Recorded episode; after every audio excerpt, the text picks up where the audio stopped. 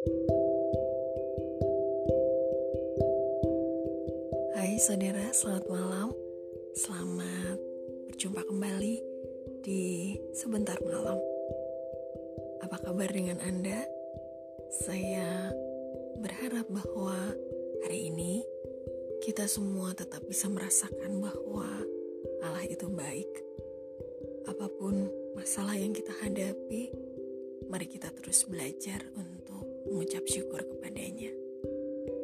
Sebelum kita merenungkan sedikit dari firman Tuhan, saya mengajak Anda untuk berdoa. Roh Kudus yang manis, bantulah kami untuk mendengarkan dan mengerti isi hatimu, dan mampukanlah kami semua untuk menjadi pelaku firman yang tinggal terus di dalam Engkau.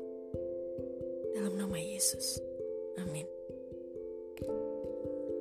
Saudara, Mazmur 104 ayat yang ke-33 dan 34 berbunyi seperti berikut. Aku hendak menyanyi bagi Tuhan selama aku hidup. Aku hendak bermasmur bagi Allahku selagi aku ada. Biarlah renunganku manis kedengaran kepadanya. Aku hendak bersuka cita karena Tuhan. Berdasarkan ayat firman Tuhan tadi, saya mengajak Anda untuk masuk dalam renungan berjudul Cinta bagi Tuhanku. Saudara, apakah Anda pernah merasakan jatuh cinta? Mari kita coba mengingat-ingat lagi apa yang kita rasakan ketika pertama kali kita jatuh cinta. Jatuh cinta bisa pada manusia, tapi bisa juga pada hobi atau pekerjaan tertentu. Anda sependapat dengan saya, bukan? Ada yang bilang kalau kita mencintai pekerjaan kita, maka sesungguhnya kita tidak pernah bekerja seumur hidup. Ya, tentu saja karena yang kita lakukan adalah kegiatan yang sangat kita cintai. Saudara, suatu kali seorang pria jatuh cinta kepada seorang gadis cantik. Meskipun sang pria bukanlah cinta pertama dari si gadis, tapi wanita itu akhirnya bersedia untuk dipinang menjadi istri. Mereka pun hidup bahagia selama bertahun-tahun. Tapi kemudian, di suatu waktu, perempuan itu kedapatan berselingkuh dengan pria yang lain dan tentu saja sang pria yang telah menjadi suaminya itu menjadi sakit hati. Hatinya berlu terluka begitu dalam. Tapi yang mengejutkan ternyata rasa itu tidak berlangsung lama, Saudara. Rasa cintanya kepada sang istri segera menyembuhkan luka batinnya dan Sekalipun akhirnya istrinya tersebut meninggalkannya, tetap saja memilih untuk berpisah dan pergi dengan laki-laki lain. Tapi pria yang telah menikahinya itu tetap mencintainya.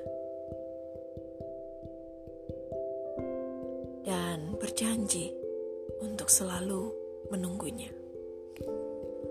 Sepertinya terdengar seperti sebuah dongeng ya saudara. Sweet. Tapi walaupun kisah yang saya kemukakan tadi terdengar seperti sebuah dongeng, pada kenyataannya saudara, cerita seperti itu nyatanya banyak sekali terjadi di dunia ini. Dan seperti itulah cintanya Tuhan. Seperti itu juga cinta yang Allah harapkan dan rindukan untuk kita lakukan kepadanya. Mencintai Allah walaupun harus jatuh bangun untuk tetap mencintainya.